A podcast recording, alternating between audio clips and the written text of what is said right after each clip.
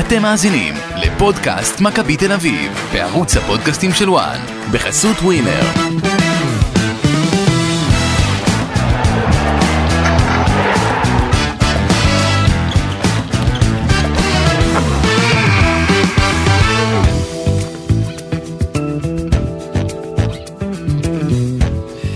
פודקאסט אה, מכבי תל אביב, מה נשמע אורן קדוש, מה שלומך רז אמיר? בסדר גמור, אה, בדרך לפה עצרתי בתחנת דלק לקנות לי קפה, אוקיי.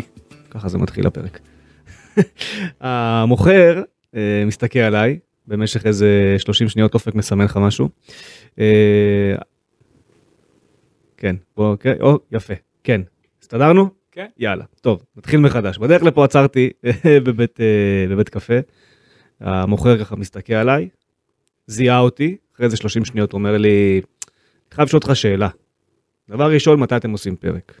אמרתי לו, עוד, עוד איזה שעתיים. אוקיי. דבר שני, איך לפני שני פרקים אורן קדוש אמר שפרפגו יגון מזכיר לו את אוסקר. איך אפשר להשוות מישהו בכדורגל הישראלי לאוסקר? הוא ממש היה עצבני מזה.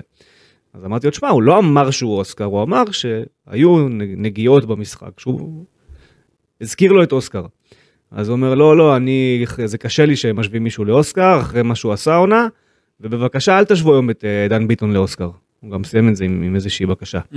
אז אמרתי לו, אל תדאג, אנחנו לא נשווה את דן ביטון לאוסקר, אבל אנחנו גם, כמו שאמרנו בפרקים קודמים, אנחנו לא רמאים, שצריך לבקר מבקרים, שצריך להחמיא מחמיאים, והפרק הזה צריך לכלול לא מעט מחמאות לדן ביטון.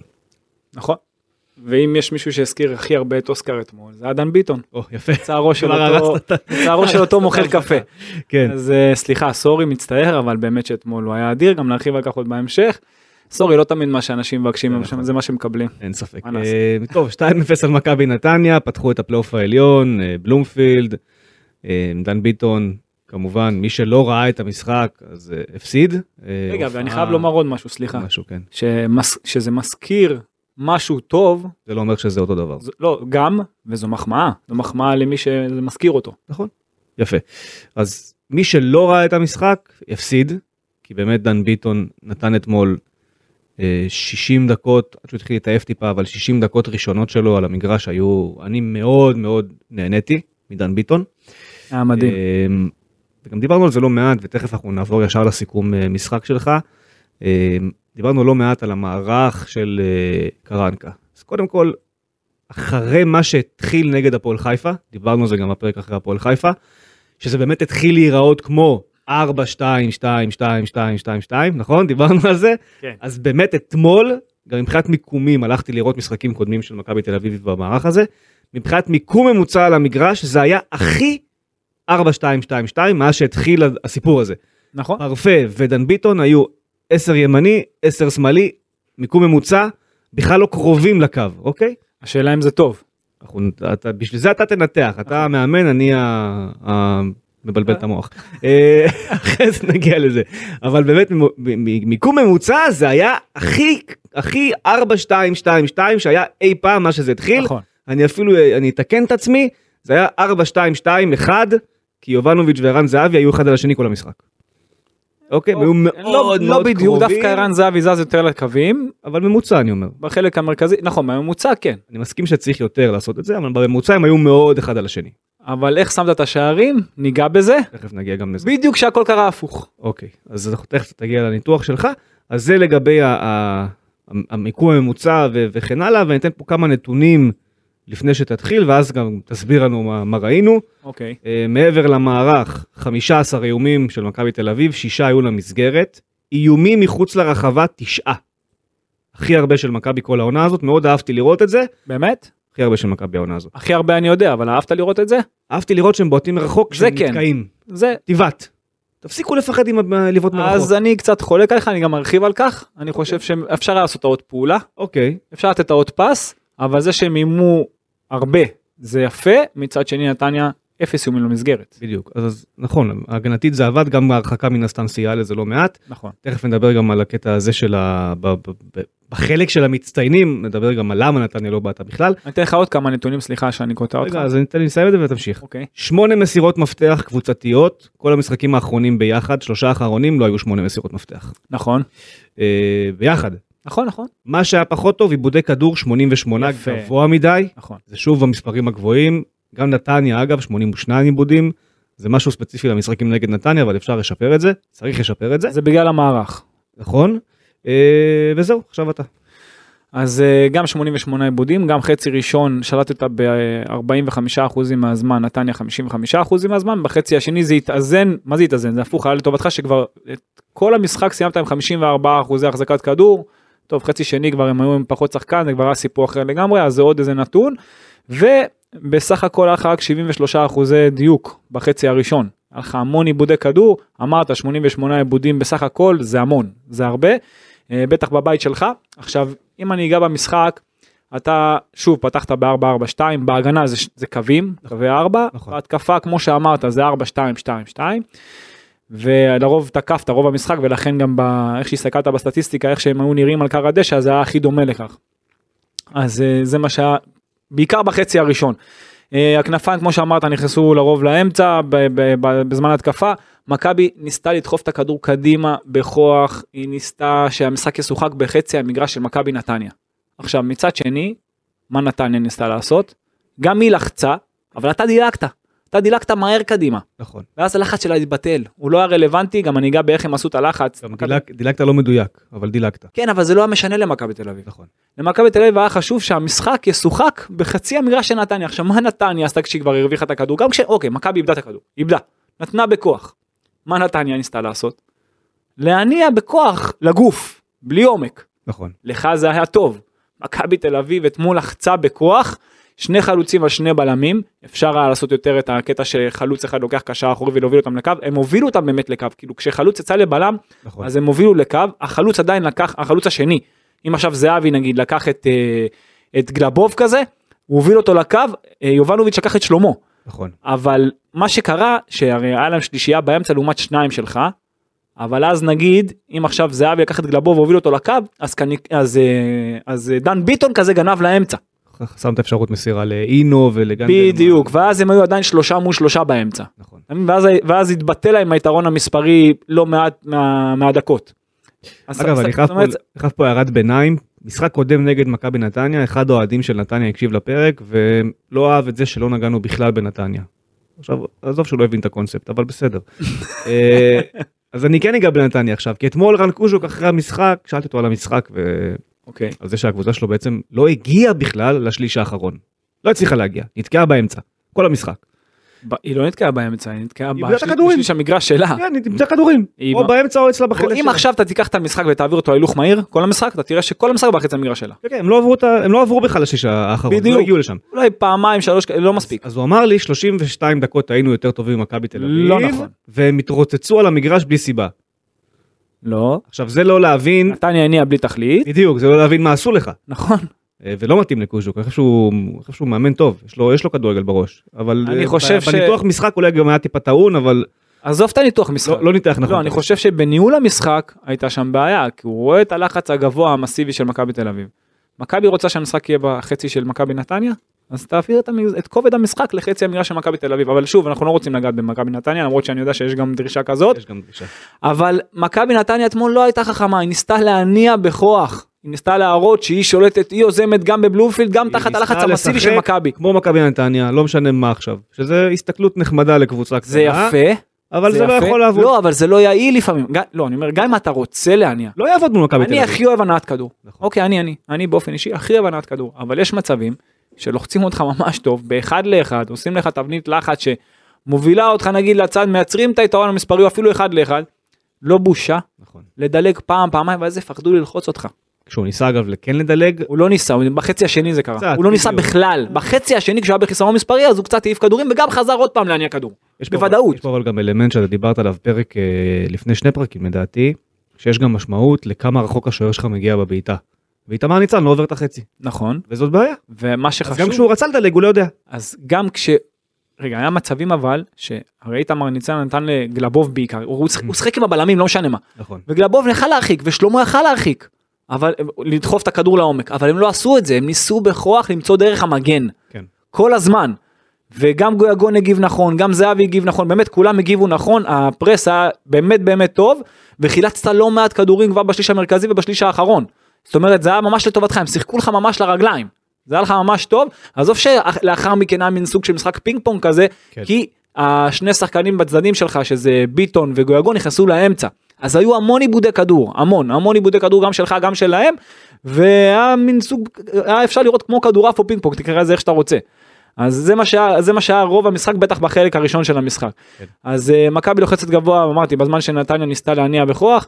אה, דיברתי על איך אה, תבנית הלחץ הייתה, גם נתניה אמרתי שהיא לחצה גבוה, שמבחינתה זה לא היה חכם, עדיף היה לחכות נמוך למכבי תל אביב, היה לה רק שני שחקנים באמצע, תן להם לצאת קדימה, אם כבר, הנה, רצית לגעת עוד קצת בנתניה, תן למכבי לצאת קדימה, יש להם רק שניים באמצע להניע את הכדור, הם לחצו אותם גבוה, ואז מכבי דילגה, זאת אומרת כל הלחץ התבטא לא, רל- לא רלוונטי.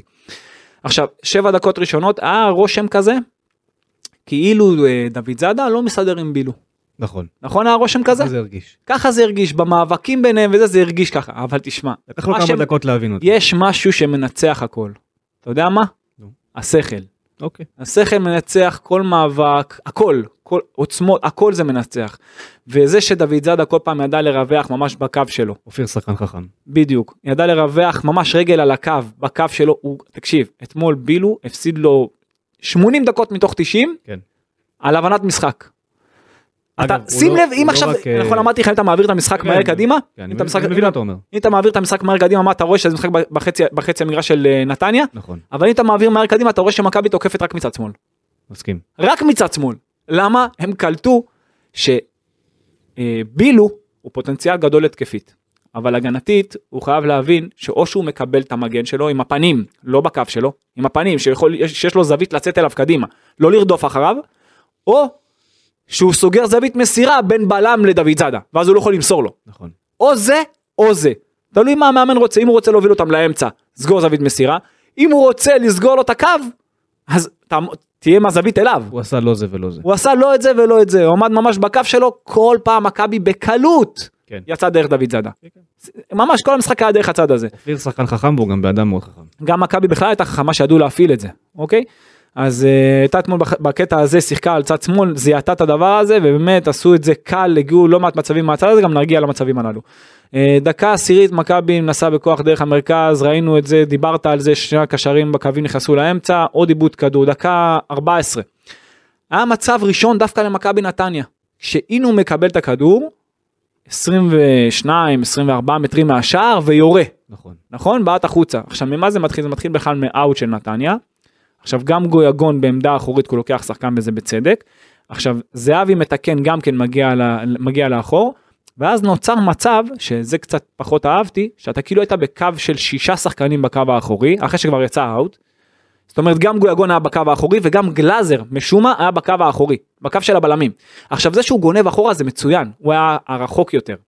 אני- אמרתי ב, ב, נראה לי בשידור הקודם הפועל חיפה. שגולסה היה צריך לגנוב קצת אחורה. נכון.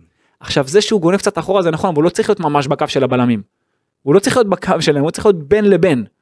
ומה קרה נוצר מצב שהיית קו של שישה בחלק האחורי וקו של שלושה בקישור ועכשיו מי זה השלושה בקישור? זהבי דווקא כן. הוא היה קרוב לגויגון זהבי פרץ וביטון. שאינו מקבל כבר ביטון היה צריך לצאת עליו זה כבר היה התיקון של אחר כך אבל לפני זה גלאזר כבר חייב לדחוף את זה קדימה הוא חייב כבר להיות שם הוא בעצמו. כן. אתה מבין ואז הוא נשאר לבד בקלות מול השער יכל לעשות הרבה יותר היה לך פה הרבה מזל טוב שזה נגמר כך. אמ, אבל שלא תבין גם במצב לאחר מכן ביטון כבר היה חייב לצאת אליו הוא פשוט לא ידע אם לצאת אליו או לשחקן שהיה משמאלו כן. בגלל זה הוא נתקע היה, היה מצב נוח מדי. דקה 14 היה מצב דיברתי על מדרגה באמצע לא מעט פעמים לוקאסן מוסר לסבורית לאחור וכאילו מה לו תפתור עכשיו את ה- את הצרה שלך בעצמך אז הוא עובר שני שחקנים זה נראה טוב כן. אבל תשמע אם הוא היה מאבד את זה זה גול. נכון. זה 100% גול. עכשיו מה אני אומר אין בעיה אתה נתת לו פס אחורה מיד גנוב אחורה רד מדרגה לאחור. הוא עשה את זה באיחור אחרי שכבר הוא התחיל את הדריבל. אתה מבין לוקאסן חייב להבין הוא מוסר לסבורית רד מדרגה תחפה. חייב באמצע חיפוי אם זה על קשר ואם זה על בלם חובה. אוקיי? אז זה זה דבר שלא היה טוב אבל דווקא לאחר מכן מאותה התקפה זו הייתה התקפה מצוינת אולי מהטובות של מכבי תל אביב במשחק מצד לצד עם סבלנות בסוף זה לא הסתיים עם שער והייתה התקפה ממש טובה, אה, שאני אהבתי לראות את זה. דקה 17 עמידה בקרן שהיא לא הייתה לאחר מכן, שהייתה די מוזרה, ראיתי את כל השחקנים, רוב השחקנים של מכבי תל אביב שברחבה, ממש שלושה, ארבעה, חמישה מטרים מקו השער. עכשיו מגיעה הרמה, הם צריכים ללכת אחורה ולנגוח לכיוון השער. אני לא מבין איך זה עובד. כאילו אני, אני באמת לא, מ- עבו- הפוך, תהיו יותר רחוקים, מה- נתניה עומדת באזורית, ותקוף את הכדור עם התנופה. מה, מה, זה, מה זה התנועה הזאת? אחר כך זה פחות קרה. היו קרנות יותר טובות. עדיין לא יצא מזה יותר מדי, אבל היו קרנות יותר טובות. כן.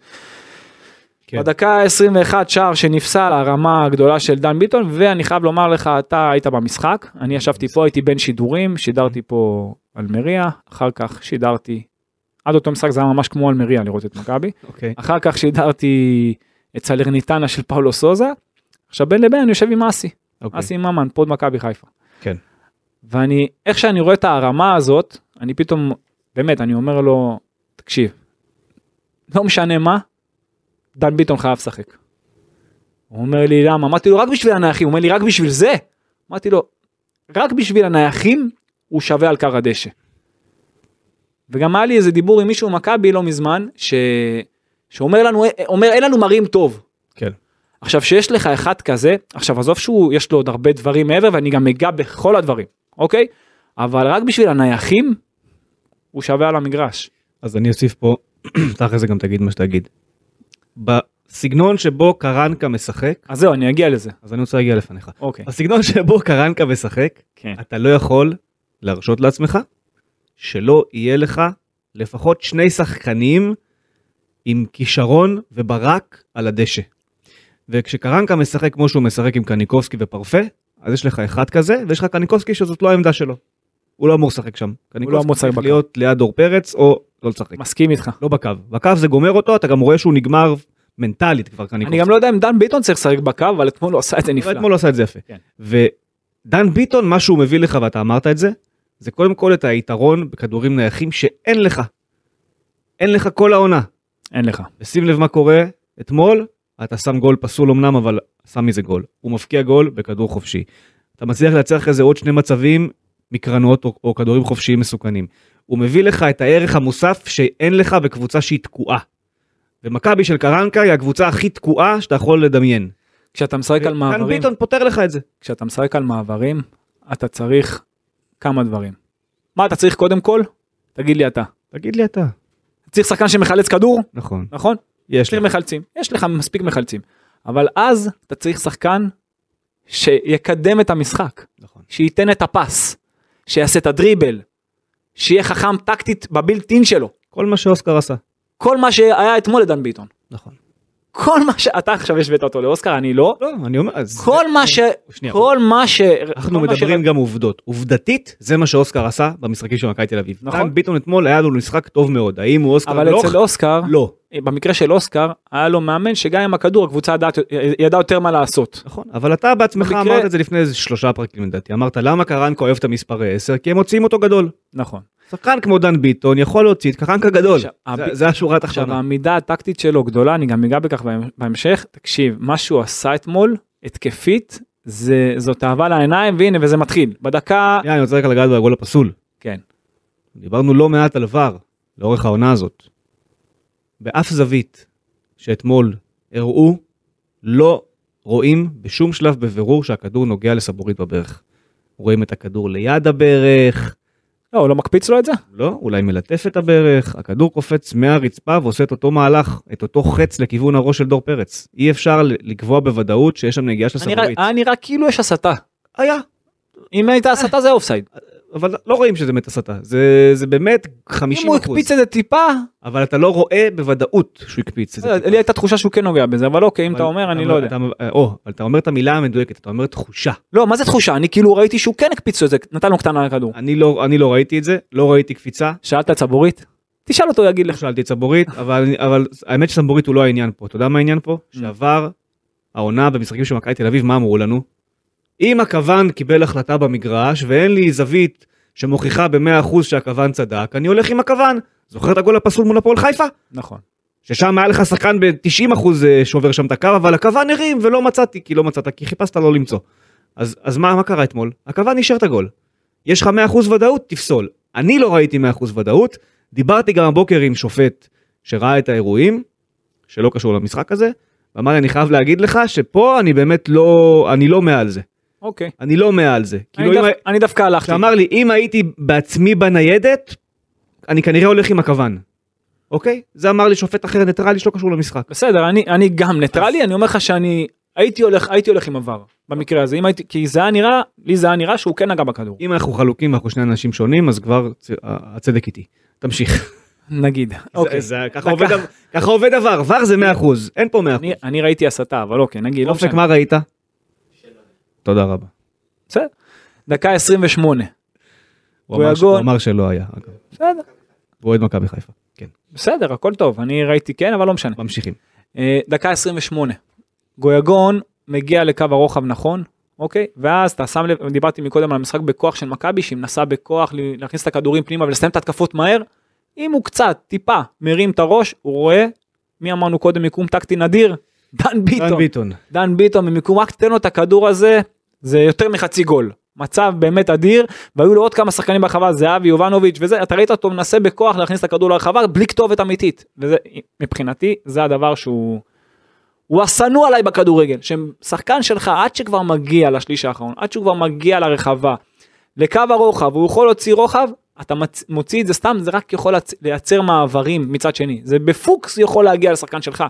כבר שם תרגיש בנוח, שהיריב יהיה בלחץ. כן. תרגיש בנוח ואפשר לעשות את זה דרך אימונים, לייצר שם קור רוח לשחקנים בחלק הקדמי. זה חובה לעשות את זה, אתה רואה את זה יותר מדי בכוח וזה קרה לא פעם במשחק הזה. עוד אחד לדן ביטון שהיה מוקם נדיר, זה כבר, זה, זה 1-0. מצית 1-0, דקה 31. אה, ביטון כבר אמרנו סוחט עבירה אחרי דיברנו על פינג פונג אחרי הפינג פונג בין שחקני מכבי לנתניה זה היה יותר אה, גלאזר בסוף זה הגיע דרך אה, דרך טועמאסי הגיע לדן ביטון ישר עוצר בחצי תפנית ישר עושה דריבל עושים עליו את העבירה. ואז משם תשמע הביצוע שלו מדהים. וואו לחיבור הרחוק ות- והיה פה כמה דברים שהלכו נגדו. למה הלכו נגדו? איך שהוא כבר בא לבעוט השופט עצר אותו. נכון. בדרך כלל אתה לא רואה שערים אחר כך. ממש, הוא בא לבעוט, השופט עצר אותו, עכשיו הוא עוד פעם, אתה רואה אותו לוקח את העוד נשימה כדי כן לת- לייצר את זה נכון. בעט לחיבור הרחוק איפה שהשוער נמצא, עם עזרה כביכול של המשקוף, אבל גם קצת של איתמר ניצן שהיה חייב להגיב. אבל עדיין, שער באמת ביצוע בעיטה אדירה שלו. מגיע לו על פתיחת המשחק שלו, גם קידם את המשחק כל הזמן, גם הפס שלו היה חכם, גם חושב לעומק. אה, הכי יצירתי במכבי תל אביב היה אותו רגע, שער באמת נהדר שלו. עכשיו אני שוב אעצור לפינת השיפוט. כן. אה, מכבי נתניה אחרי המשחק, אה, רן קוז'וק מתלונן על הגול הזה. הטענה שלהם הייתה שבמהלך שבסיומו דן ביטון מוכשל, המהלך מתחיל מהעבירה על שחקן של נתניה. עכשיו, צריך פה להסביר את הנושא. אם, אם היה קורה הדבר, ודן ביטון לא מוכשל, אלא מקבל את הכדור בועט שם גול, אפשר לבדוק את המהלך ולהחזיר אותו אחורה ולשרוק עבירה. נכון. ברגע שהשופט שרק וסימן לעבירה על דן ביטון, נגמר. נכון, נגמר. בדיוק. עכשיו, יש פה טענות של מכבי נתניה, שגל ליבוביץ' כן ביקש מהשופט ור לבדוק את האירוע הזה.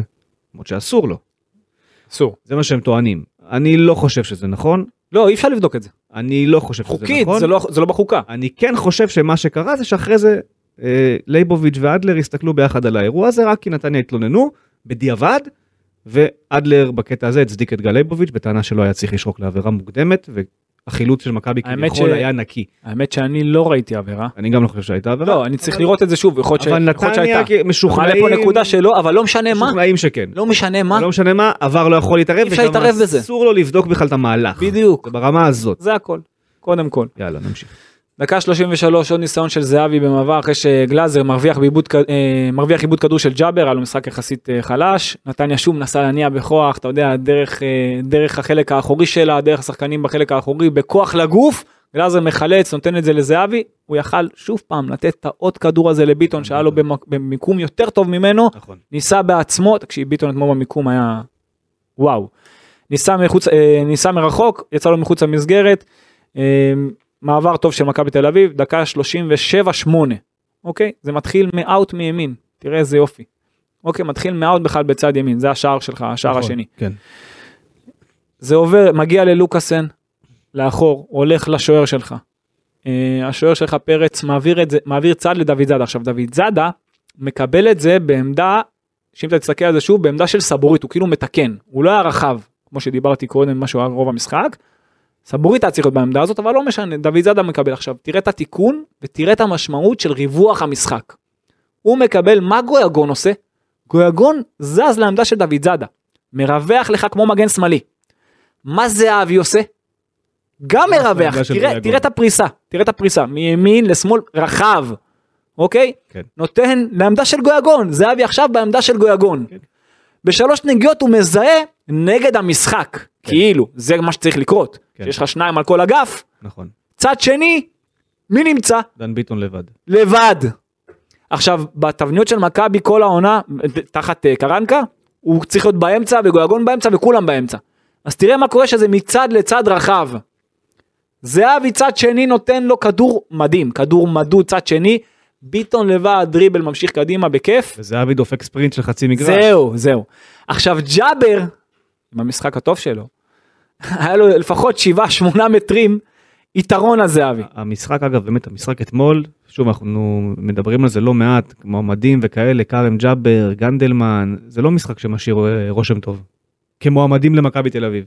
ולא, הפ... ולא בפעם הראשונה.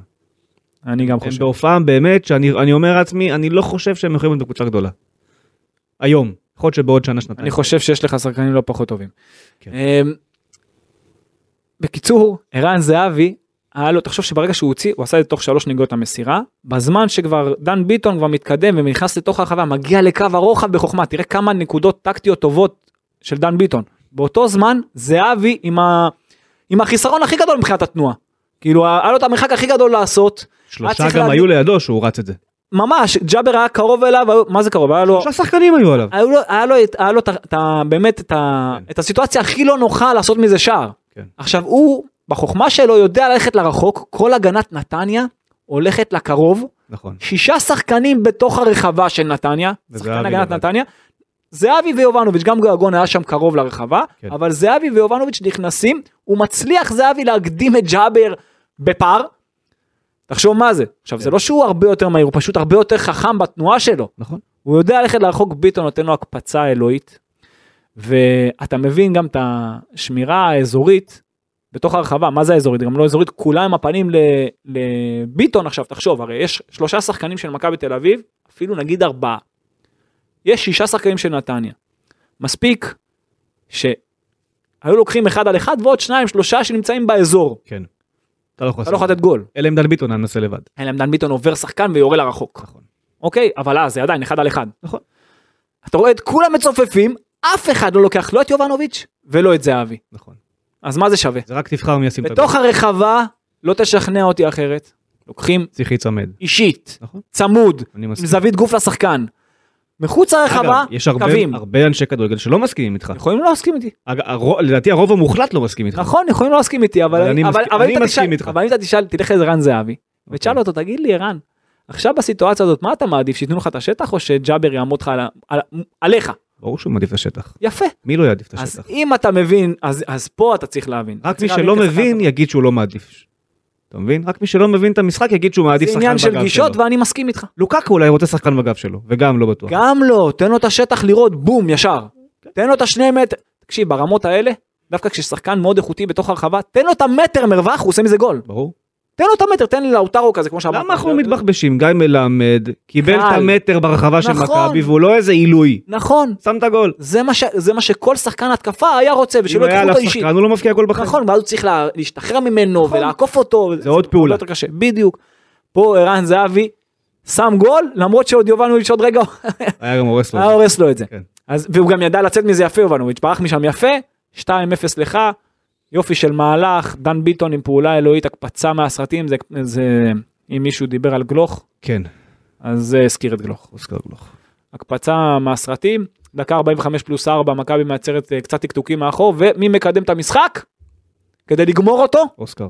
אה, דן ביטון. נכון. אז דן ביטון נותן עומק ליובנוביץ', יובנוביץ' עם אה, גלבוב במאבק, מחלץ לו, הולך לעומק, ואז שלמה, כדי לתקן את גלבוב, מכשיל אותו, כרטיס אדום, נגמר המשחק. שאלתי את קוז'וק אחרי המשחק, כשהוא ראה את האירוע הזה, כן. למה בעצם הייתה עבירה?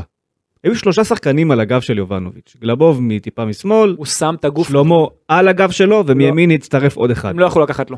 אז שלא ייקח, נכון, אז שישים את השלישי. נכון, מה מה הרווחת? פה? נכון, אני מה מסכים איתך. באדום הזה? מה אתה מרוויח באדום הזה? אני מסכים איתך, אבל אבל רק יובנוביץ', אבל תחמיא פה ליובנוביץ'. אני מחמיא ליובנוביץ'. הוא אבל שם לא- את הגוף נכון בין השחקן לבלם זה כל המהלך פעם. היחיד שהיה טוב ש- במשחק. זה- זה מחפה על, לא שהוא לא מהיר, הוא לא מטוס, אבל זה מחפה, זה המהלך הכי טוב של שלו. יובנוביץ' במשחק, לת- ל- זה לזכותו, לרעתו נאמר שלא היו הרבה כאלה במשחק הזה.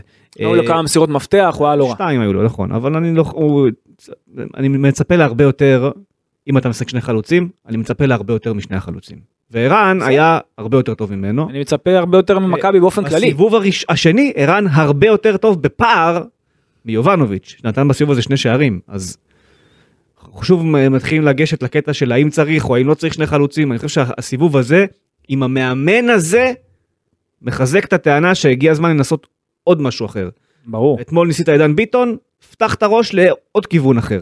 יש לך אני- אני שחקנים, מסכים. ואתה כבר רואה שהוא מתחיל לאבד את זה עם, החל... עם יובנוביץ', פתאום גם אתמול נכנס אה, דור תורג'מן, גם נגד הפועל חיפה הוא החליף אותו, אתה רואה שמשהו שם מתערער בקביעה המאוד נחרצת שלו מלפני חודש, לא, זה- שאצלי יובנוביץ' תמיד יפתח. אז זה רק- זה רק בגרבג' 2. שים לב, יכול להיות, זה רק בגרבג' 2. יכול להיות. ואתה יודע מה, וגם שבוע שעבר, שכבר הורחק לך שחקן ואתה עברת ל-4-4-1, אז הוא כבר בכ- בכוח הוא משאיר אותו על המגרש ושם אותו כנף ימין. למה? אז אתה מבין שזה לא, זה לא באמת, זה עדיין, לא, לא, שום דבר לא השתחרר, לטעמי. תובנות- תובנות שם נופלות לאט, כן, בוא נראה אם נופלות. אם נופלות. אמ, עכשיו, זה הקטע, כשמכבי נותנת גול ראשונה, זה סיפור אחר לגמרי, אם לא מרחיקים לשחקן, זה סיפור אחר לגמרי, זה נותן לה לגיטימציה להמשיך עם המשחק של המעברים ובכוח דרך האמצע, ואז קבוצה צריכה ליזום נגדה, זה כבר הרבה יותר קשה לה, כדי לחזור למשחק, ודיברתי על מה שצריך בשביל מעברים, המוסר טוב, הדריבל טוב, דן ביטון היה לו את הכל עד הדקה, עד שהוא יצא בעצם מהמשחק. חצי שני אני אעשה את זה יחסית מהר, גנדלמן ירד אה, לקו האחורי, ב-4-4-1, היה בלם. אה, נתניה קצת נותנת מעט יותר כדורי עומק, אבל לא באמת רק רוצה לגמור את המשחק, גם קוז'וק אמר את זה אחרי המשחק, מבחינתו שם זה נגמר.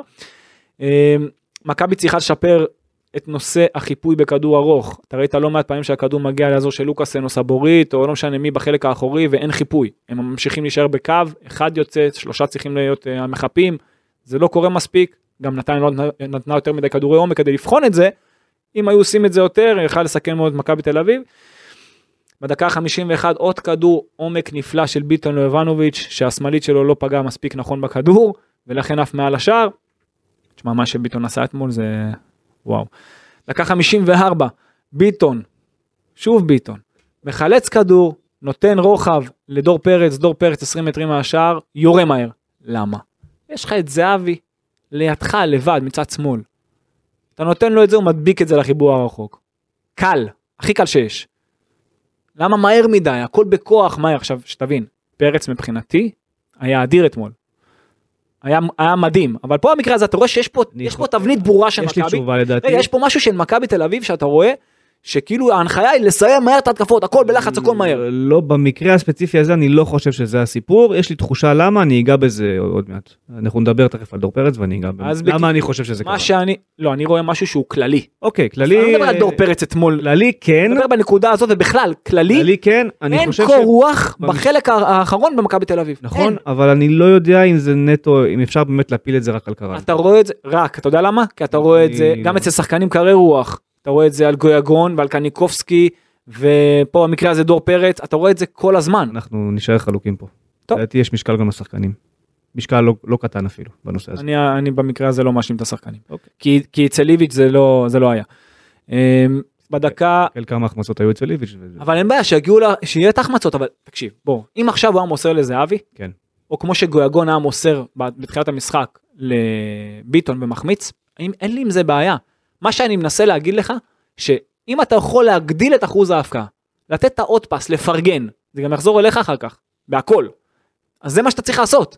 אתה לא צריך לסיים מהר, המטרה היא לא למה- לסיים את ההתקפה, אבל- המטרה היא לסיים עם גול, ואם אתה יכול אבל להגדיל את מה אחוז שאתה ההפקעה, לא, אתה לא מבין את הנקודה שלי, מה שאני אומר וזה גם כן קרה אצל איביץ', יש לך פה הרבה שחקנים עם הרבה ציפיות על הכתפיים, שבאו עם איזושהי מטרה להוכיח משהו ולהביא אליפות למועדון הזה, והם סופגים המון ביקורת, וכשהם רואים מצב לשים גול, בלא מעט מקרים העונה, גם אצל איביץ', הבנתי לאן אתה הם לוקח. העדיפו את טובתם האישית ולחפש את הגול. אז זאת הבעיה, זה אימון. זאת לא, בעיה. אז אני לא יודע אם זה רק אימון. זה נטו אני- אימון, כי אבל גם באימון... אצל איביץ' היה אימון. לא, לא, לא, לא. למה לא? אצל איביץ', הם ניסו להגדיל את אחוז ההפקעה, היו מקרים לא, לא שהכדור תמיד, לא נכנס. תמיד, לא תמיד, לא תמיד. לא, לא תמיד. יש שחקנים עם אופי ספציפי שהם באמת מחפשים את השער וזה עניין של חלוצים וככה זה צריך להיות, אוקיי? וגם איתם צריך לעבוד על הקטע של להגדיל את אחוז ההפקעה, ואני אומר לך את זה, לא משנה מה.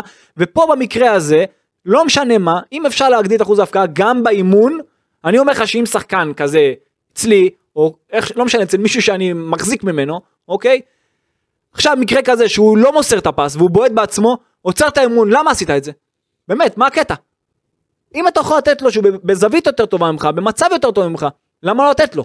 אתה, אם, אתה, אם עכשיו אתה במצב שלו, לא תרצה לקבל את הכדור? לא חושב שצריך להגיע לך הכדור? אתה משוכנע שאיביץ' היה עושה את זה? אני משוכנע שהוא היה עושה את זה. אני חושב ש... משוכנע.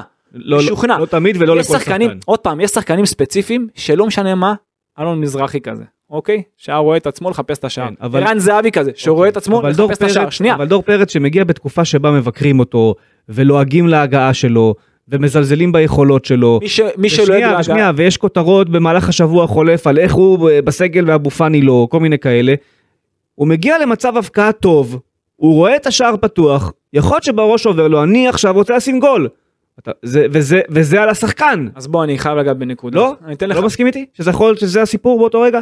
אנחנו, פה מדברים, אנחנו מדברים תיאורטית, כן? אנחנו לא יודעים באמת מה עבר לו בראש באותו רגע. אז אני... אבל האם זה לא יכול לקרות? אז אני חייב... אגב, ב-2-0 שיבעט, כי אני אמיתי, שיבעט, מה אכפת לי? לא. אני ככה אני רואה את זה. אני חושב שאם הוא היה מסיים פה עם בישול, אתה היית פשוט נסער עליו. יכול להיות. אחרי המשחק. יכול להיות. זה מה שאני אומר. אני הוא נסער מסיים עליו פה- גם בלי קשר. אז זהו, עכשיו אני חייב לתת לך משהו, איזה נתון של שחקן, אוקיי? במכבי, נו. 101 דקות משחק. 51 מתוך 53 מסירות מדויקות. הכל כתוב לי פה, הרסת לי את הקטע. כן, תמשיך.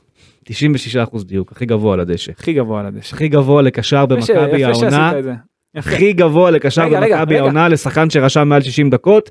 הכי גבוה לשחקן מכבי תל אביב בכלל שפתח בהרכב. 47 מסירות שהתקבלו, הכי הרבה חוץ מלוקאסן וסבורית, שהם הבלמים בעצם. שמובילים במסירה אחת עליו. בדיוק. 12 מאבקים מוצלחים, טוב, הכי הרבה אז- במכבי. תוך 18. הכי הרבה. נכון. אוקיי? שלושה משלושה בתיקולים, נכון. הכי הרבה במכבי, שני עיבודים בסך הכל במשחק שלם, הכי מעט. הכי מעט במכבי, שישה כן. חילוצים. שישה חילוצים. נכון. מי זה זה השחקן? הנתונים של דור פרץ. יפה. עכשיו, אני אומר לך, משחק אדיר. התפרצת לי עכשיו, לפינה רגע. שהכנתי לי מראש לפינת הציונים רגע. ולכן עכשיו אני צריך להגיד את הקטע על דור פרץ אחרת זה כבר יהיה לא טוב. אני אגיד את הקטע עכשיו על דור פרץ ואופק יקליט אותו ואני רוצה שזה גם יעלה כווידאו. יופי. קראתי השבוע ציטוטים אינפנטיליים לחלוטין שבאו כביכול מגורמים במכבי חיפה. עכשיו אני בכוונה אומר כביכול כי אני נותן פה את הספק שאף אחד בחיפה לא אמר את זה וזה איזשהו סוכן אוקיי אני נותן את הספק שזה לא באמת אמר את זה מישהו במכבי חיפה כי אם כן זה אוי ואבוי.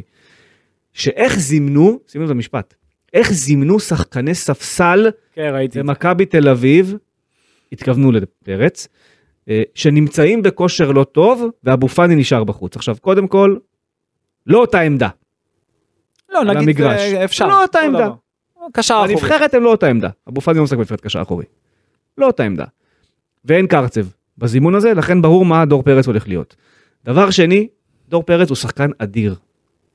ומי שמנסה, גם אבו פאני שחקן מצוין, אני מדבר, על שחקנים דור, אני מצוינים. מדבר שנייה על דור פרץ, נכון? הוא שחקן אדיר. וכל מי שמנסה לייצר את הנרטיב או את ההשוואה הזו, שבאה לשים שחקן ממכבי תל אביב אל מול שחקן ממכבי חיפה ולהגיד למה זה כן ולמה זה לא, קודם כל אתם מנסים להקטין את שני השחקנים בלי לשים לב, אתם מקטינים אותם. דבר שני, אתם לוקחים את השיח סביב הכדורגל הישראלי למקום מאוד רדוד ונמוך, וזה לא מה שצריך לעשות. אתם רוצים להגיד משהו, תגבו אותו בעובדות, תגבו אותו בסטטיסטיקה, תגבו אותו בנתונים. לא כל דבר צריך להיות על- ה- הלעומתיות הזאת. הוא לעומת דור פרץ, יותר... לא, זה לא עובד ככה, זה מביך, ואני חייב להגיד, זו דעה סופר לגיטימית לטעון שאבו פאני צריך להיות בנבחרת. אוקיי? דעה סופר לגיטימית. לגמרי, גם בעיניי. אין שום קשר לדור פרץ, אין קשר. וההחלטה של חזן לזמן אותו היא 100 מ-100.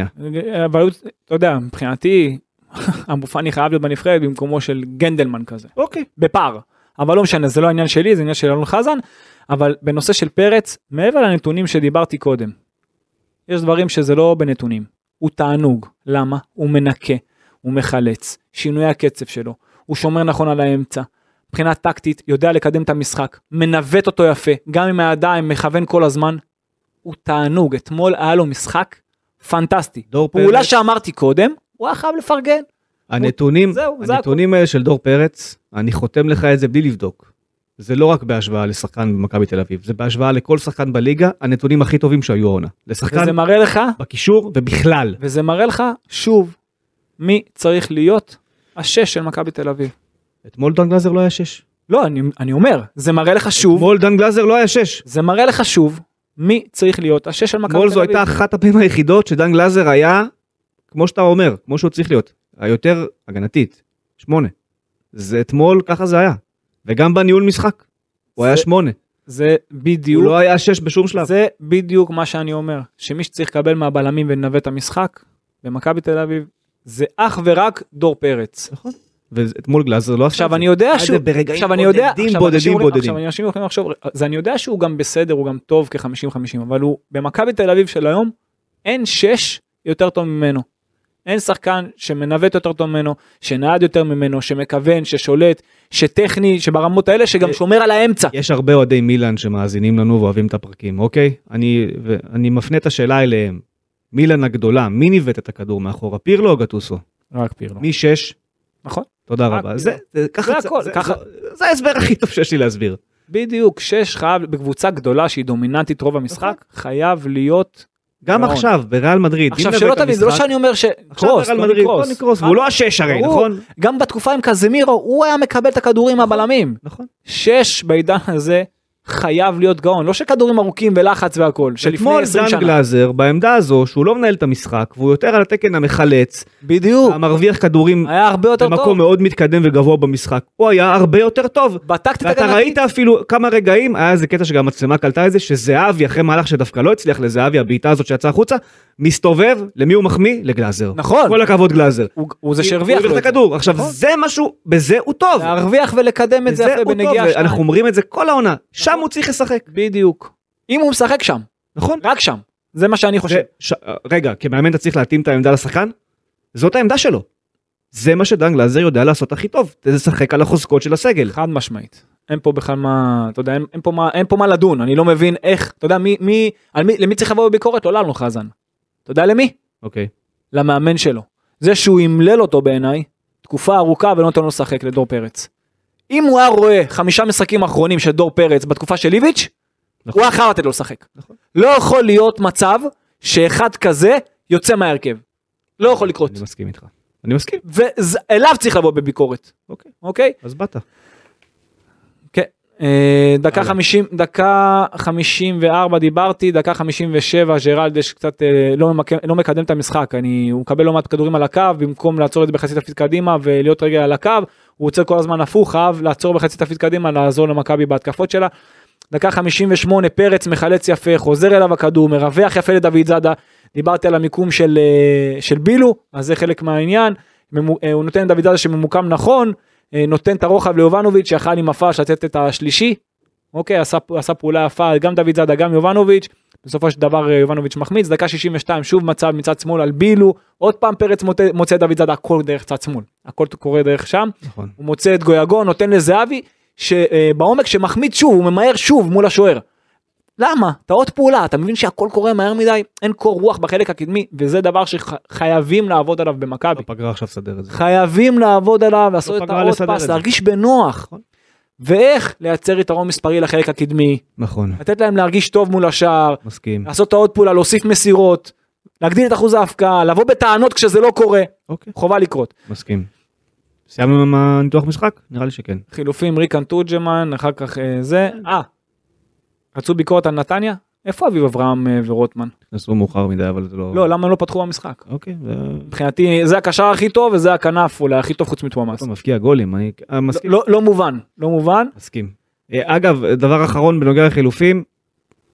אה, קרנקה ניסה להכניס את איליה לעניינים במשחק גמור. השפת גוף, הצורה שבה הוא יורד מהמשחק בכלל. הוא יורד עם פנים נפולות, הוא עצבני, הוא מתוסכל. אני, אני לא מבין את הסיפור הזה עם איליה. שוב, כמו שאתה אומר, לקרנקה לוקח הרבה זמן לקלוט דברים, דור פרץ, כמו שאמרת, חמישה משחקים סתם, שרף אותו על סתם. אה, יכול להיות שגם אילי אם היה מקבל את הצ'אנסים הרבה לפני, אז היינו רואים היום דברים אחרים, זה כבר לא המצב, וזה כבר מרגיש לי כמו איזה מקרה שהוא גמור, איליה, אתה רואה שגם בהיררכיה בחמישה זרים הוא השישי. אני, לעתיד של מכבי תל אביב, כבר צריך להתחיל להסתכל על מי חתום פה הלאה, ומי אתה רוצה שיחתום אצלך עתידית. דור תורג'מן ויונתן כהן חייבים לשחק הרבה לפני אה, איליה. ברור. אה, איליה מבחינתי זה מקרה של לשרוף, נגמר, זה חבל, נפלתם, טעיתם, למחוק. נכון? אין- אין סיבה להתעקש- הרי אם אין יש לך- סיבה להתעקש על אה, זה. בדיוק, אתה מפסיד פה שחקן לעונה הבאה עכשיו, נכון. נכון, אתה לא נותן לדור אתה צודק. תורג'מן וליונתן כהן. אלף אחוז, למרות שאתמול הוא נתן לתורג'מן, אבל יונתן כהן לא נכנס ואתה עושה, זה טעות. טעות. אתה שורף פה שחקן לה- להמשך. סתם. שוב, אם יש סיכום, עם אפשרות לסיכום, עם אחד כמו איליה כזה, אין, אין, זה משהו כן, זה אחר. מת. לא, מקרה מת. מיותר. נכון. הוא לא יביא לך עכשיו אליפות, מיותר. נכון, אני מסכים. מיותר, חבל. תרוויח מסכן. את הישראלים אני מרחם, אני מרחם על השחקן, על תרוויח הסיטואציה את שלו. הישראלים שלך. תרוויח את מי שיהיה איתך. הישראלים יעשו בדיוק. אליפות בעונה הבאה, אם יעשו. נכון. תרוויח את הישראלים. בדיוק. תרוויח את אה, מי שיישאר אצלך, לא משנה אם הוא ישראלי. נכון, מי נכון. שיישאר אצלך אבל בעונה מי ש- הבאה. מי נשאר זה הישראלים. כן. אה, אה, סיכום סיימנו, כי יש פינת ציונים. סיכום סיימנו. יאללה. ועכשיו, פינת הציונים. אה, דן ביטון המצטיין, דיברנו, נתונים שלא אמרנו אולי, בוא נגיד, שתי מסירות מפתח, שלושה ימים לשער, ארבעה משבעה בדריבלים, אה, דיברנו על זה אגב, שני תיקולים מתוך שניים. דיברנו לא מעט בדריבלים על אוסקר, על האחוזים, ואמרנו מעל 50 זה מקום טוב להיות בו, כמובן שהוא מעל החמישים. אה, וגויגון, הכי הרבה. מה שקנה אותי אתמול אמרת שני תיקולים היו גם שלושה חילוצי כדור אה, שזה יפה. אה, מה שכן כן ראו שהוא לא בכושר משחק זה התחיל ככה התחילה הנפילה סביב הדקה ה-60 מה אתה רוצה? הבן אדם לא משחק. וזה נגמר עם הרבה עיבודים 14 עיבודים הכי גבוה במכבי. אה, אבל זה בגלל הסגנון של מכבי. אבל נכון וגם צריך לשפר את זה. זה גם, צריך אבל לשפר זה את זה. בגלל הסגנון. גם את והוא- הסגנון והוא צריך היחיד- לשפר. רגע, שנייה. אתה צודק, אוקיי וצריך לשפר גם את זה וגם את זה, אוקיי אבל בגלל שהוא היחיד שמקדם את המשחק, אה, נכון. אתה יודע, ולא רק בדריבלים כמו גויגון, בפס, אז יש גם יותר עיבודי כדור. מסכים. וזה הסגנון של מכבי פשוט. מסכים. אם הייתה יותר בנויה על הנעת כדור ויותר סבלנות בחלק הקדמי, היית רואה פחות עיבודי כדור. אפשר גם לפתור את זה זה ודיברנו כבר לא משהו מעט יותר- על זה כבר משהו יותר מערכתי נכון. ממנו. דיברנו על אה, דור פרץ, את הנתונים שלו הבאת כבר, אה, ערן זהבי, כמובן דיברנו על הגול ומה שהוא עשה, אני אתן פה עוד משהו וזה 26 מסירות מתוך 30 מדויקות, 87 אחוז, הלכתי בדקתי, הכי גבוה של זהבי כל העונה, הנתון הזה. עד עכשיו כל העונה הוא בערך סביב ה-50 אחוז במסירה, 87 אחוז, שיחק פשוט, שיחק נקי, שיחק נכון, הכדור שהוא נתן לביטון בגול, השני, מדהים. שווה- שווה הכל. אה, יפה. עכשיו, אתן לך פה עוד שניים בציונים שלנו, מעניין את מי אתה תכניס, כי גם אני רשמתי לי. אבל זה רק הגנתי. בסדר. לוקאסן, יפה, נגעת בנקודה. מדי כמה משחקים יש לו את המשחקי 100% האלה. אתה מכיר את מדהים. המשחקי 100% של לוקאסן? 100% במאבקים. הכל כמעט. עכשיו, זה מתחיל קודם כל כן. מהדיוק מסירה 92%. מדהים. המאבקים זה הסיפור המ- המרכזי, תשעה מתשעה מוצלחים, ארבעה באוויר, חמישה בקרקע, נכון. שני תיקולים מתוך שניים, שבעה חילוצי כדור, גם הוא איבד רק שני כדורים כמו דור פרץ. מאוד קרוב למשחק מושלם, היו כמה טעויות טקטיות שדיברת עליהן, שצריך לתקן את זה, אבל ברמת הזה כמעט 100%. נכון. ג'רלדש, דיברת על דויזדה לא מעט, מסכים איתך, אבל מה שג'רלדס עשה לטוואמאסי, לא ראיתי הרבה מגנים בליגה עושים לטו- לטוואמאסי העונה. ואני אראה לך את זה דרך הנתונים של טוואמאסי, ולא דרך ג'רלדש. טוואמאסי מקבל את הכדור כל המשחק 23 פעמים, אבל זה לא בגללו. זה גם בגלל השיטה. אבל כשהוא כבר בגלל מקבל את שנתניה- הכדור, זה בגלל שנתניה, סליחה שאני קוטע אותך, כן. זה בגלל שנתניה הובילו את הימין לג'אבר, כן. ושם היה הפרס של מכבי והם שיחק- והם ניסו לשחק קצר. לא הגיע אליו הכדור בכלל, אבל כשהגיע, בקושי נגע בכדור. אבל כשהגיע, היו 16 מאבקים לטוואמאסי במשחק. הוא ניצח רק בארבעה, שלושה משלושה עשר בקרקע, אפס דריבלים מוצלחים, 12 עיבודי כדור, לא עשה כלום במשחק, וג'רלדש גמר אותו, ג'רלדש נסיים עם שמונה חילוצי כדור, זה הגנתית, המון. הגנתית ג'רלדש היה אתמול מצוין, זה מה שאמרתי, נכון? אמרתי הגנתית לגמרי. התקפית, התקפית, התקפית פחות, אבל אנחנו פחות. מכירים את המגבלות של ג'רלדש התקפית. למרות שהיו משחקים שהוא טיפה משתפר מהם, זה בא והולך, מה שנקרא. זה בא והולך. עם קצת אני מסכים שבין... טיפה הוראות יותר טובות, אתה רואה דויזאדה שזה היה- רק- רק שיעצור בחצי תפנית קדימה. הוא כל הזמן עוצר או לאמצע או אחורה, נכון, שזה אגב, רק זה- אתמול רק דוד זה זאדה יעזור לו אתמול משמעותית. שיפר את זה ולכן הוא גם היה יותר טוב. נכון?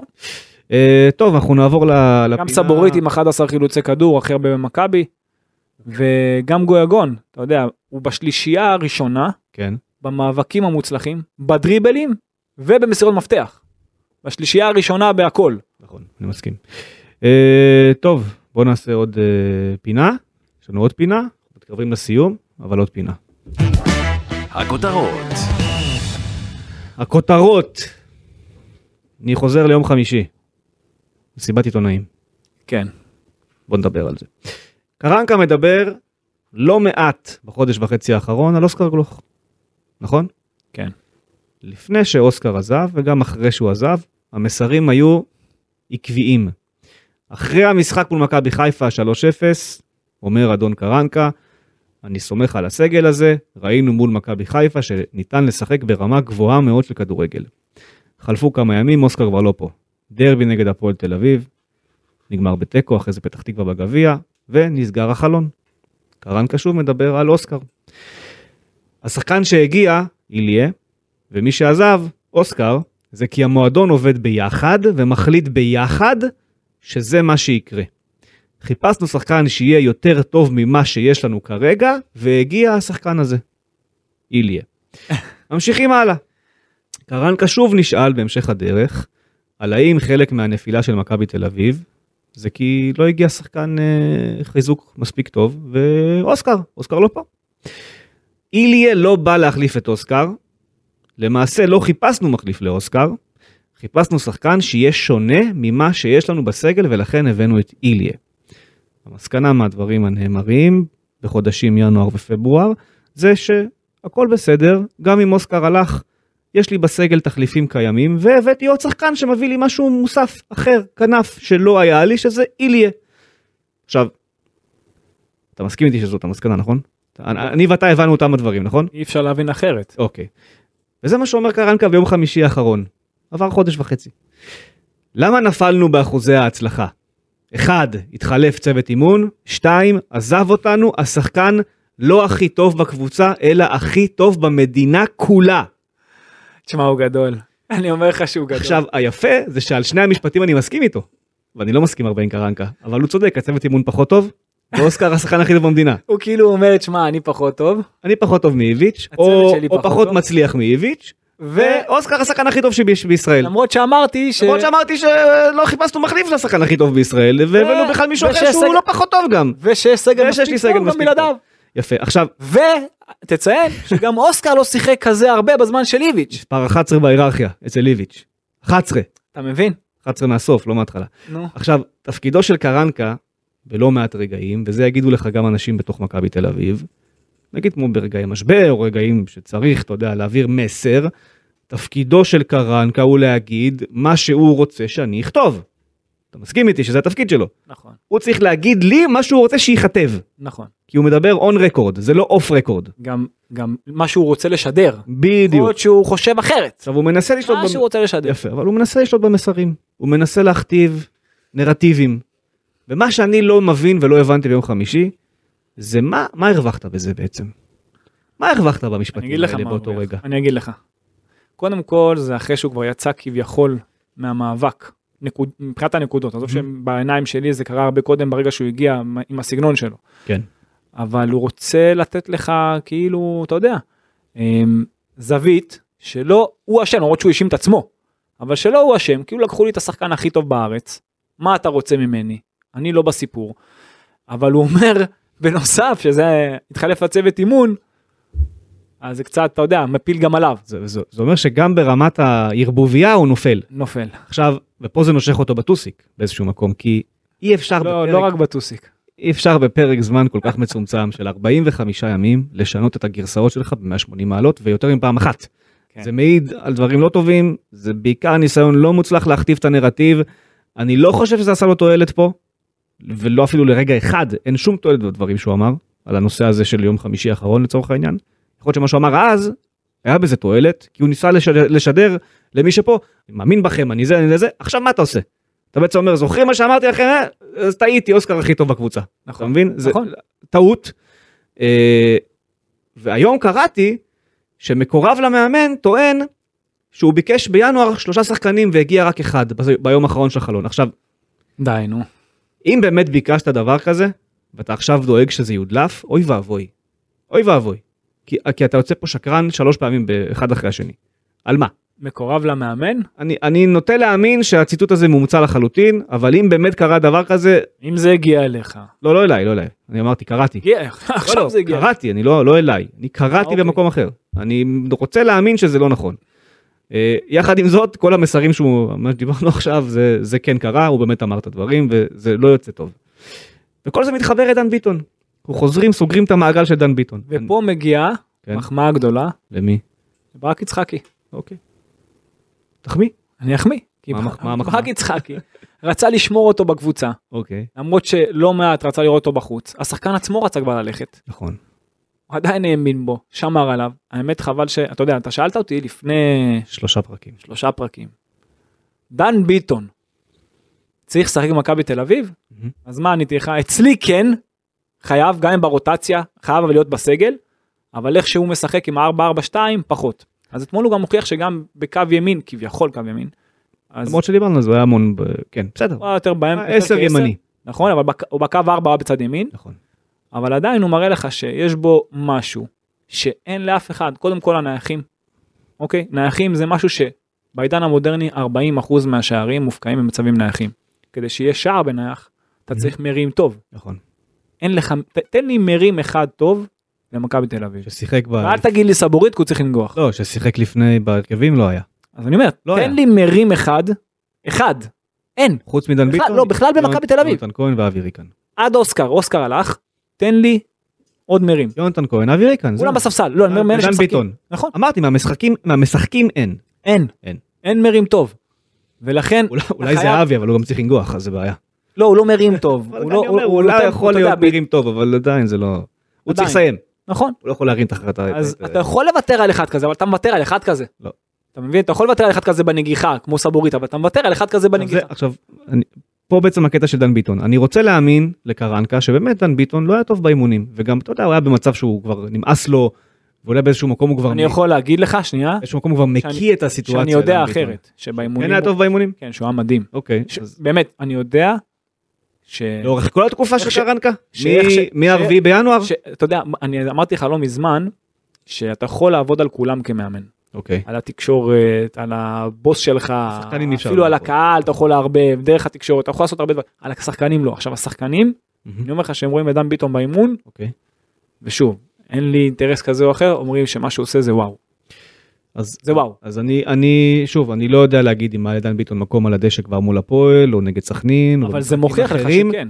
אבל מה שמוכיח שכן, זה שלא משנה מה, אתה היית חייב לתת לו הרבה יותר דקות, וזה לא רק אצל קרנקה. בדיוק, יפה. לא רק, גם פה לפני- במקרה הזה גם זה לא... אצל רק- איביץ', נכון. איביץ', איביץ' גמר את אה, ז'- את דן ו- ביטון. והוא האחד שרצה אותו הכי הרבה. ממש נכון. ופה הנקודה האחרונה שלי. פה הדבר האחרון שאני רוצה להגיד בנושא. הייתי שמח לשמוע, בקטע, באמת בקטע טוב אני אומר את הדברים, הייתי שמח לשמוע את ברק יצחקי בקולו, מול מצלמה, מסביר איך נראית הדינמיקה בינו, כמנהל מחלקת הכדורגל, לבין המאמנים של הקבוצה.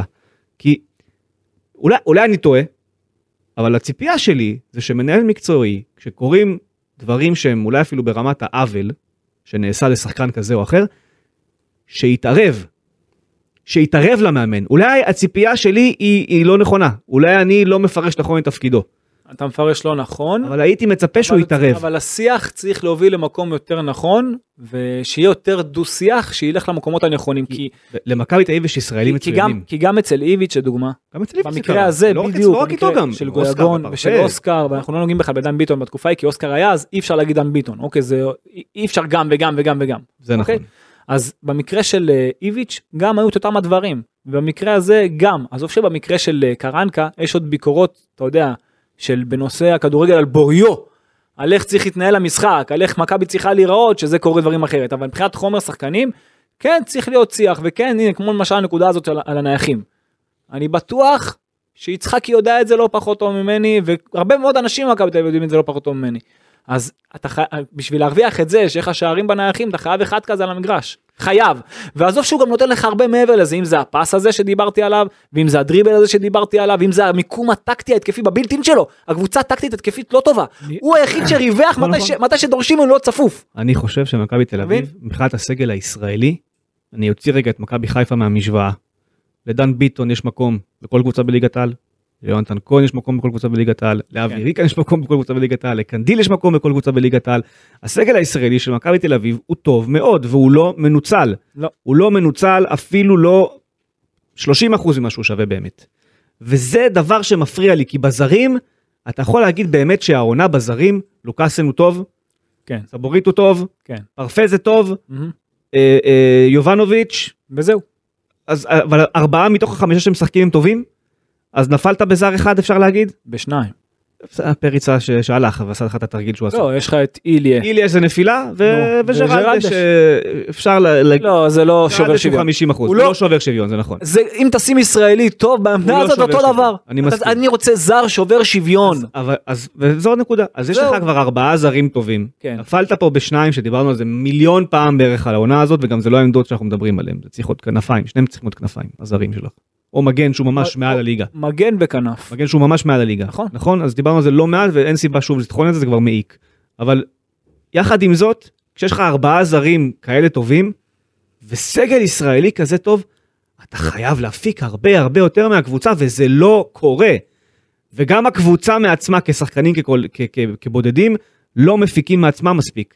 כי- כי... ואתה רואה את זה בחזרה מפיגור, באיך הם סופגים גולים, אתה רואה את הנפילה המנטלית.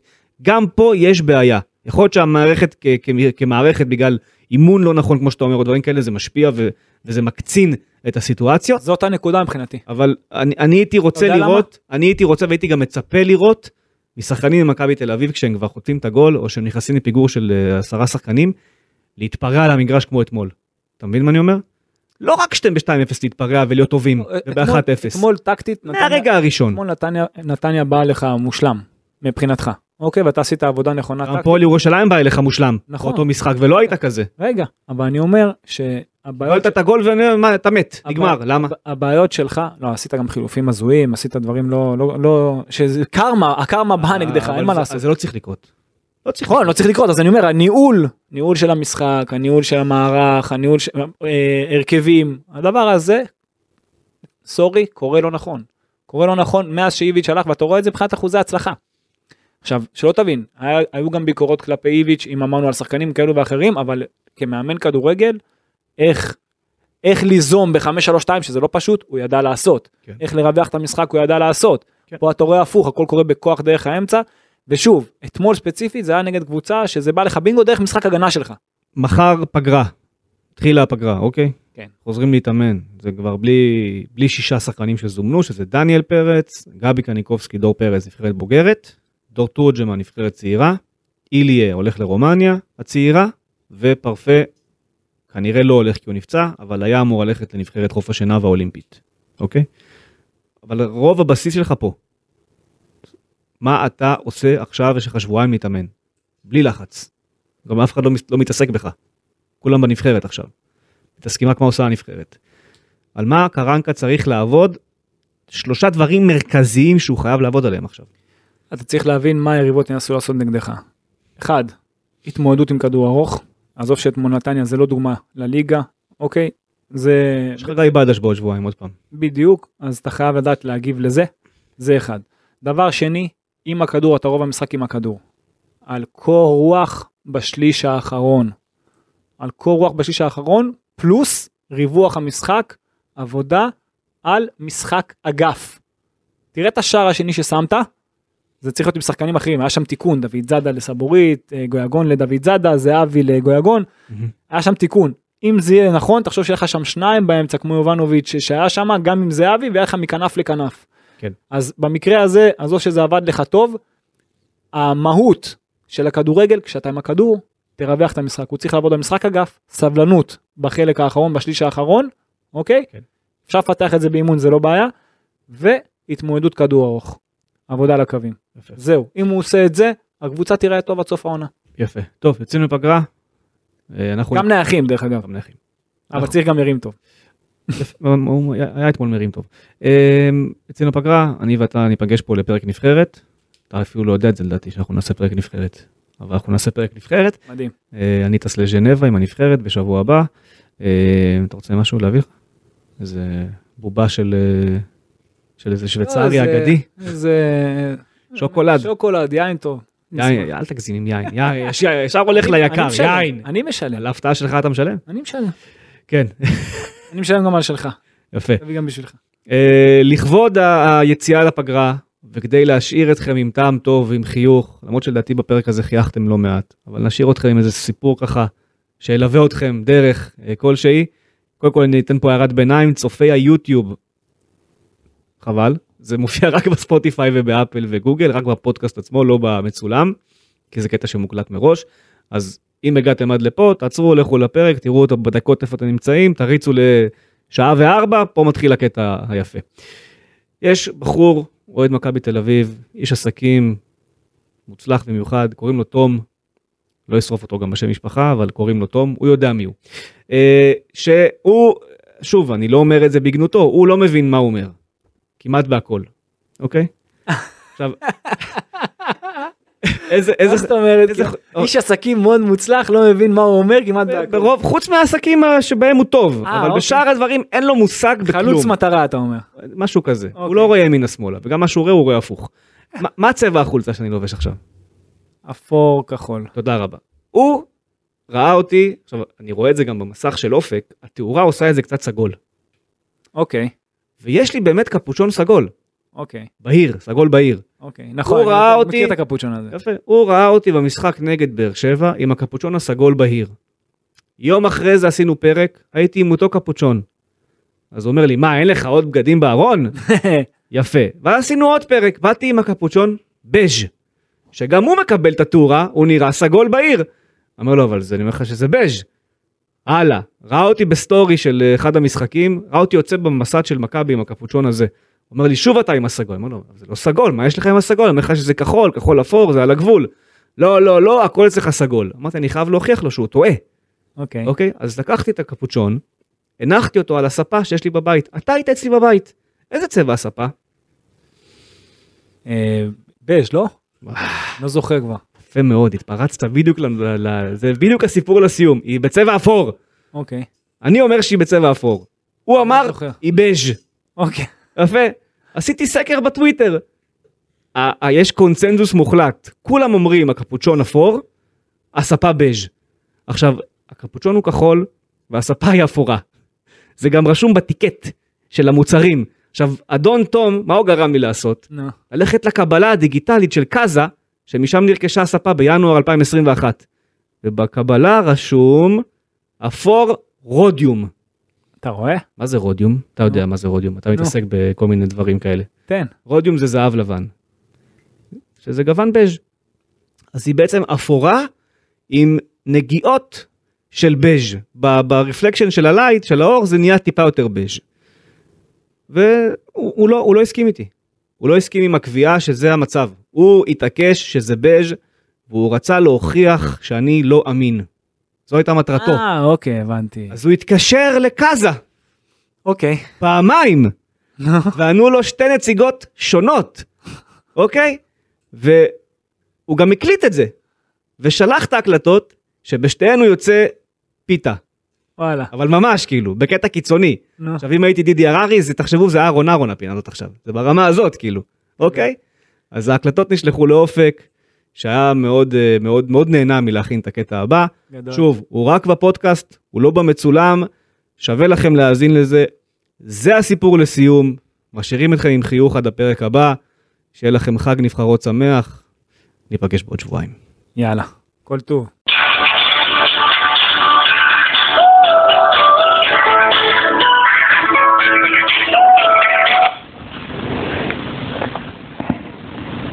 הלו, שלום, שלום. הגעתי לקאזה. נכון. אני מחפש אצלכם ולא ראיתי באתר אה, ספה בצבע אפור רודיום, איזה דגם? VIC 28, ספה מיטה, יונה תלת מושבית. ליונה אין לנו כבר. הבנתי. את זוכרת אם היה לכם דבר כזה? היה לנו מזמן, כן, אין לנו דבר כזה. זה היה נפתח לי יחיד. למה אתה מחפש? אני פשוט אוהב את הצבע אפור רודיום. והוא... קטיפה, זה אפור קטיפה. זה לא רודיום, נכון? זה כמו בז' כזה. לא, זה אפור קטיפה. מאיפה יש לך המילים האלו? מאיפה אתה קורא את זה? הוא פשוט שלח לי את החשבונית, הוא קצת בן אדם לא... אין לו מאה. בסדר, זה אפור, זה צבע אפור. המילה אפור רודיום זה המילה עיצובית. מי שמתעסק בעיצוב... לא, אני קורא מהחשבונית, את מבינה? עכשיו, נו, אז יופי, אז מילה רודיום זה רק מי שמבין עיצוב. בסדר, אבל בינינו זה בז', זה אפור. זה בז', בטח שלא. זה בז'. אני אומרת לך שלא ואתה מתעקש, אז תתעקש, תמשיך להתעקש. אבל את לא צריכה לכעוס עליי, אני הייתי אצלו אני לא בבית. כועסת, אני מסבירה. אבל אני לא את כועסת מסבירה. עליי, אה. אבל אני אומר לך שהייתי אצלו בבית, זה בז'. אבל עוד פעם, אם תגיד שזה ורוד, אני איתך. יש בן אדם עיוור צבעים, לא מבין את את זה. קוראת לי עיוור צבעים?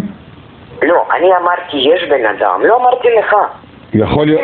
אני אומרת. כן, בבקשה. יש בן אדם עיוור צבעים, כן, בסדר? אוקיי. הוא רואה את זה בצורה שלו, ואומר בצורה שלו. בדיוק, עכשיו הוא אומר לי זה אפור. ואני אומר לו, תקשיב, זה בז'. את מבינה? יכולים, אתם יכולים להתווכח ביניכם, כן. אבל אני מכרתי את הדגם הזה הרבה שנים. אפור אודיום? מה זה אפור רודיום? זה דגם אפור בקטיפה, כן, אבל דגם הזה אזל, מה... אזל מחברה. זה בז'. זה אפור. תקשיב, אה? זה צבע אפור רודיום, בסדר? אפור רודיום זה צבע אפור קטיפה. קצת צהבהב. ממש לא. זה צבע אפור. טוב, נראה לי שעשיתם יד אחת נגדי, אבל בסדר, טוב, תודה לך. להתראות. ביי ביי.